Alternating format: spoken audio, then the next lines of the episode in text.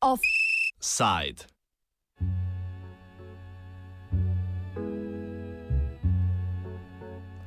Končno zlati časi za vilo Zlatico.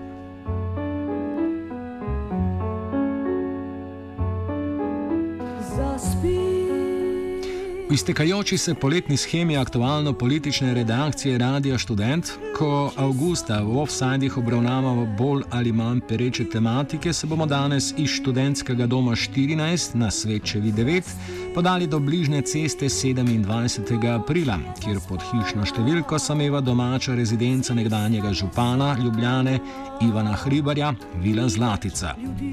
Poimenovana po Hribarjevih črki, edinki Zlati Hribar, objekt klavrno propada in rožnodolčenom že vrsto let kazi pogled na sicer lično podobo meščanske soseske.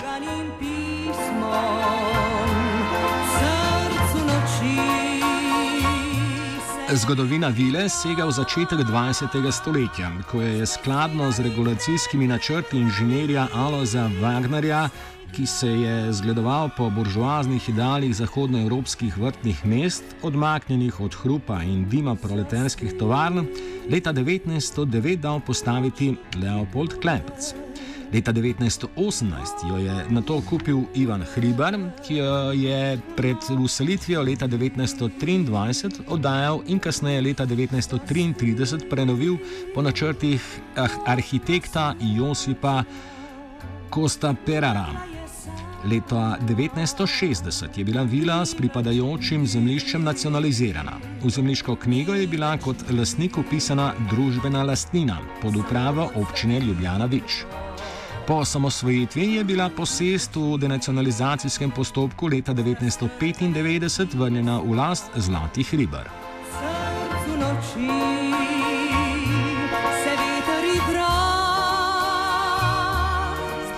Preden se je leta 2000 preselila na oni svet, je v svoji poslednji volji vilo zapisala državi, ki naj bi jo obnovila ter posvetila kulturi in spominu na njenega očeta. A ta se ni izkazala za vrednega dediča.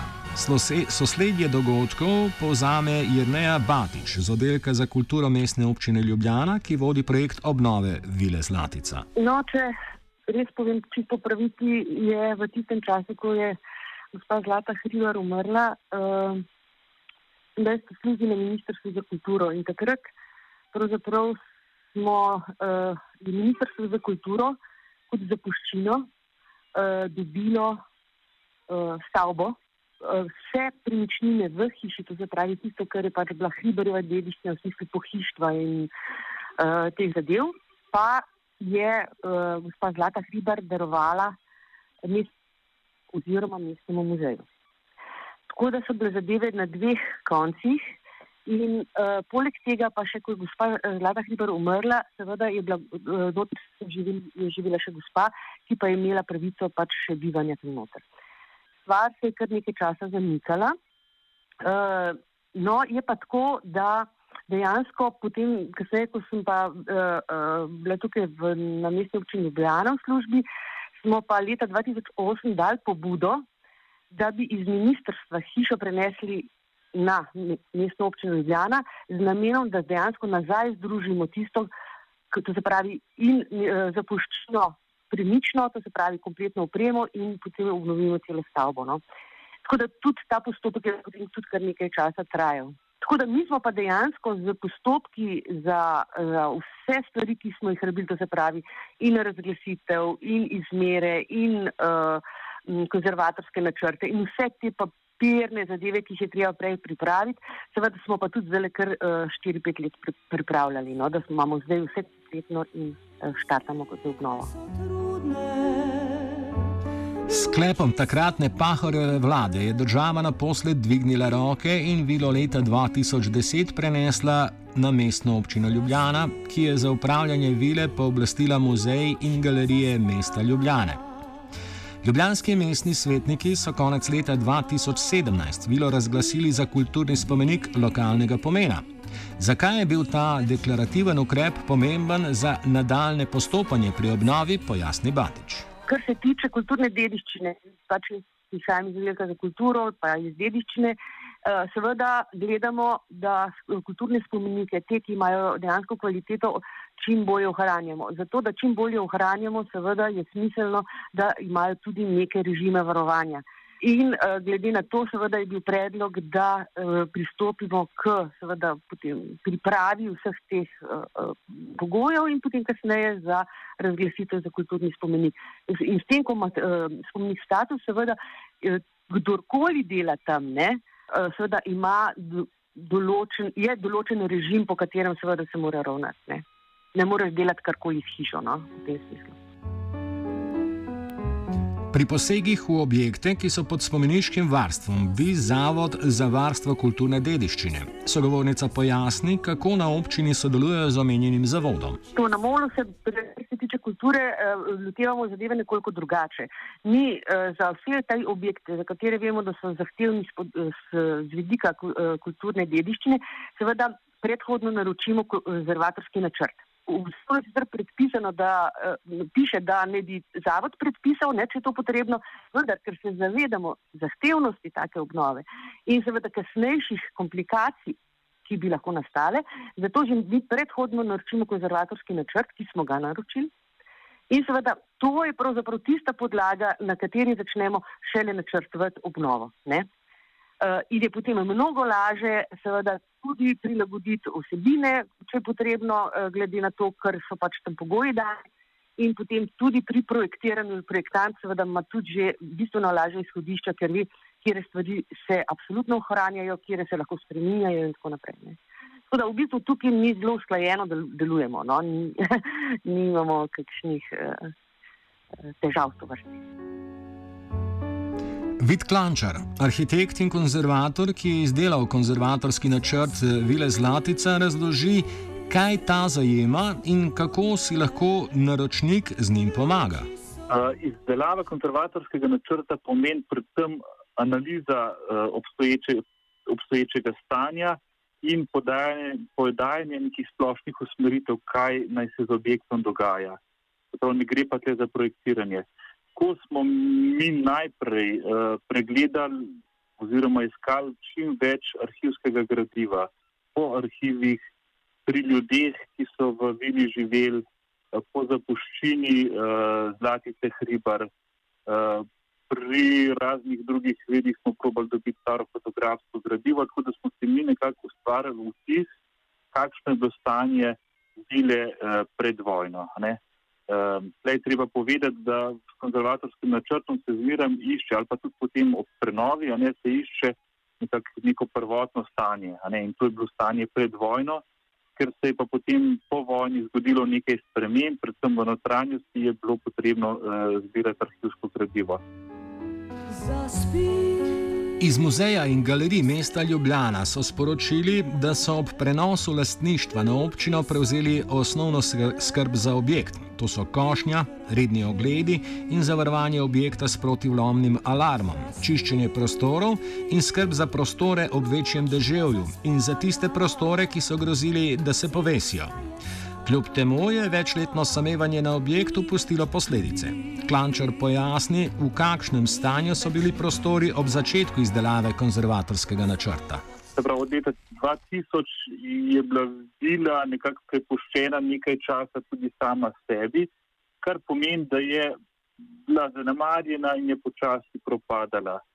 Uh, vemo, kaj se s takim objektom zgodi, počasi začne streha zamakati, notri se naselijo kakšni nepovabljeni gostje in zaradi tega nekako eh, lahko rečemo, da je vila bila nekako v, v času, ko smo mi prevzeli oziroma ko smo začeli z izdelavo konzervatorskega načrta, je bila lahko rečemo nekako splošno zanemarjena. No. Prav streha je že malo zamakala, noter je bilo kar nekaj razbitih stekel, eh, zapuščeno. Eh, pohištvo polomljeno in tako naprej. To je bilo nekako stanje na no, prevzemu oziroma v začetku izdelave konzervatorskega načrta. Proti pričakovanjem pa so se pri sondiranju lesenih in kovinskih elementov v skoraj vseh prostorih kot zelo lepe pokazale šablonirane poslikave, značilne za meščansko kulturo predvojnega časa. Klančar izpostavi še nekaj elementov, ki bodo imeli mesto v prenovljeni vili. Poleg šabloniranih poslikav, ki sem jih že omenil, so tle naprimer lončine peči, še prvotne lončine peči, potem recimo uprema kuhinja, ki je bila še ugrajena. Omeniti je treba tudi knjižnico v prekličju, ki jo je dal narediti prav Ivan Kriber, ki je bila bogata s knjigami, ki sicer trenutno mislim, da se nahajajo v Nuku ampak ohranjene so pa omare in lep lesen pot. Ohranjenih recimo je tudi nekaj keramičnih ploščic po hodnikih in v kopalnicah, tudi recimo stopnišče iz umetnega kamna, uh, lepo kovano ograjo, recimo se ohranja.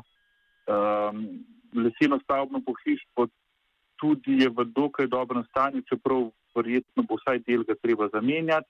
Ohranja se pa tudi pri tistih stvarih, ki so pa v slabem stanju, se pa vsaj podobo ohranja. Tako recimo ne moramo mimo fasad, eh, ki so gre za neko lepo členitev, tudi v kombinaciji z lesenimi eh, deli ostrešja, ki so vidni. Eh, skratka, to vse je potrebno ohranjati tako, kot je bilo prvotno.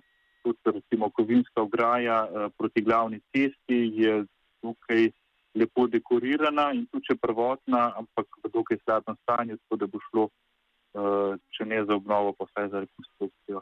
To so take stvari, recimo, ki se v takem primeru ohranjajo. Uh,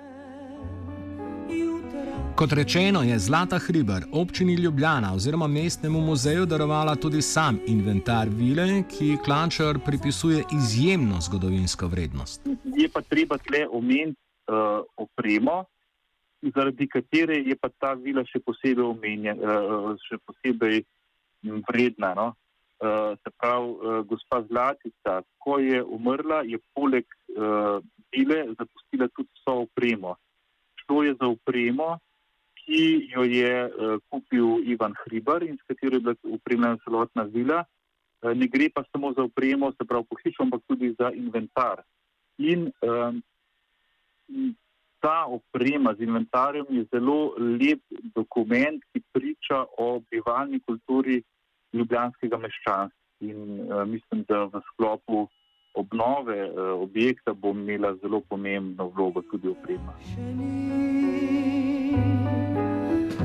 Pri muzeju in galerijah mesta Ljubljana so leta 2016 izdelali programsko nalogo z naslovom Ivan Hribar in svet meščanstva, v okviru katere so zasnovali ambientalno predstavo, ki jo bodo opremili z ravno omenjenim pohištvom in predmeti.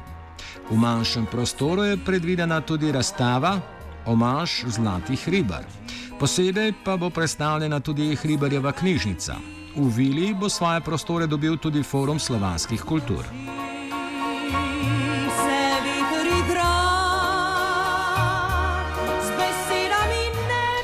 Do tja je še daleč, a vendarle se zdi, da bodo delavci dve desetletji po smrti Zlate Hribar naposled ne zasadili prve lopate. Veselo vest javlja Batič, ki razkrije vrednost in predvideni rok zaključka izvedbe projekta.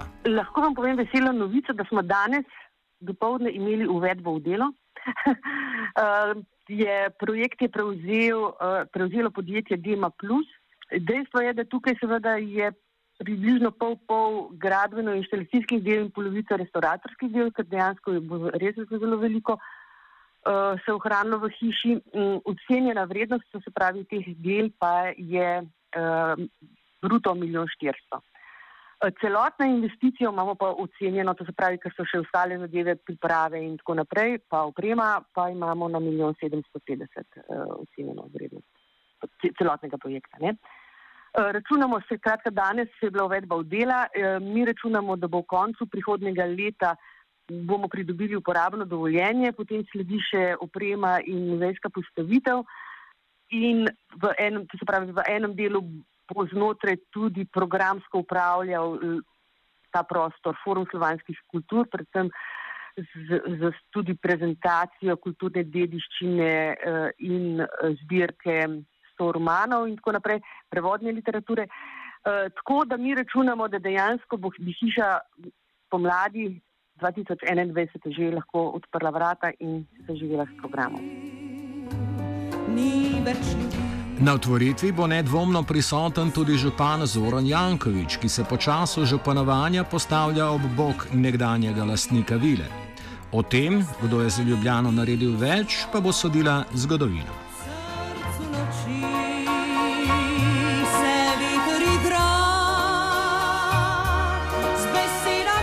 Verjetno najbližji lokalni offside je pripravil žiga.